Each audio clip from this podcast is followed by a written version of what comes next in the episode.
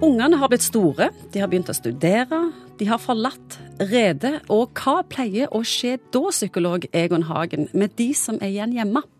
Ja, Det der kan jo være en overgang for uh, mor og far, som har vært vant egentlig til å stulle og stelle for uh, kanskje minstemann i ma mange år.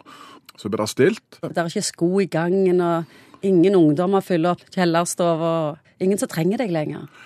Ja, da eh, mange ganger kan jeg hjelpe å tenke på alternativet. Tenk hvis du hadde hatt en 24 år gammel som lå i sofaen hjemme og som ikke ville flytte ut. Så det, da, da, tror jeg det fort hadde blitt sånn som kattemora som syter rygg til ungene når tida er der for å komme seg videre. Det var jo en far som saksøkte sin egen sønn for å ikke ville flytte ut, og han ja. tapte. Ja, ja. det kan jeg tenke meg. ja. Men dette tomrommet som da oppstår, hvordan kan han fylle det? Ja, og noen, jeg snakket med noen par som sier det at plutselig så satt vi på denne restauranten, og så, og så merket vi at vi var faktisk det stille paret. Altså. Så klart at i, i, en sånn situasjon så vil jo trykket øke på forholdet. Og det er et um, krav til omstilling, og man kan finne tilbake igjen til noe som var der kanskje i utgangspunktet. Og det er da for, mange skiller seg? Da mange skiller seg, for de oppdager at uh, når de begynner å kikke ned på forholdet, så er det som var der en gang, ikke lenger til stede klart at når, når podene reiser, så, så, blir du mer naken i forhold til det du hadde i utgangspunktet.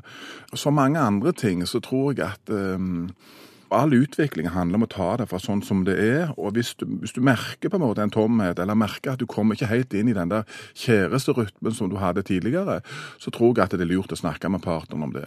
Og Hvis dere har på en måte hatt veldig mye fokus på å kjøre rundt på disse fotballtreningene og ta vare på disse ungene, og glemt liksom det der, denne tosomheten som er i utgangspunktet var starten på det hele, så ville jeg tatt noen alvorlige grep for å revitalisere det.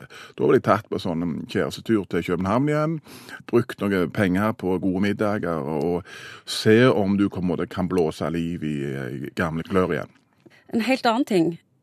Bør mor og far beholde rommet sånn som det var når ungdommen stikker og studerer? Ja, Det er jo så mange måter å stikke på. Noen stikker jo ut en liten stund, og så kommer de tilbake igjen. ja, Det er ikke godt å vite. Nei, det er litt som på en måte å lære å sykle. At du holder litt i bagasjebrettet, og så slipper du litt, og så må du holde litt igjen. Og Sånn kan det være òg med det der eh, si, oppveksthjemmet. At eh, jeg tror nok en viss eh, fase der så tror jeg det er lurt kanskje at ting kan stå litt, sånn at den unge håpefulle kan få anledning til å være litt ute, men òg komme hjem igjen og oppleve noen den eh, ja, tryggheten det å få fergemat og mor vaske klærne og alt dette. Det, det, er liksom sånn vi vokser til noen enhver, tror jeg.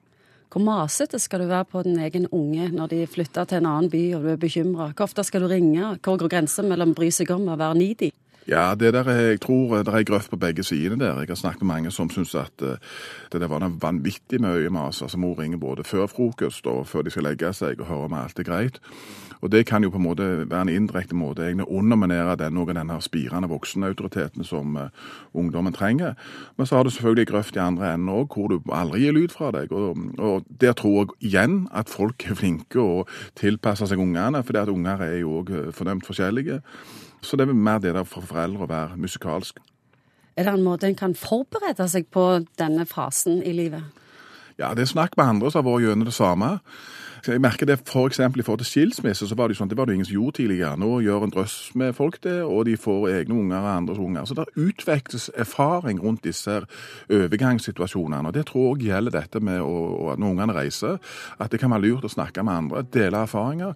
Ikke privatisere alt, men høre hvordan andre har håndtert det. Ja, Kanskje kan det være folk der som har gode innspill til deg òg, og dere òg.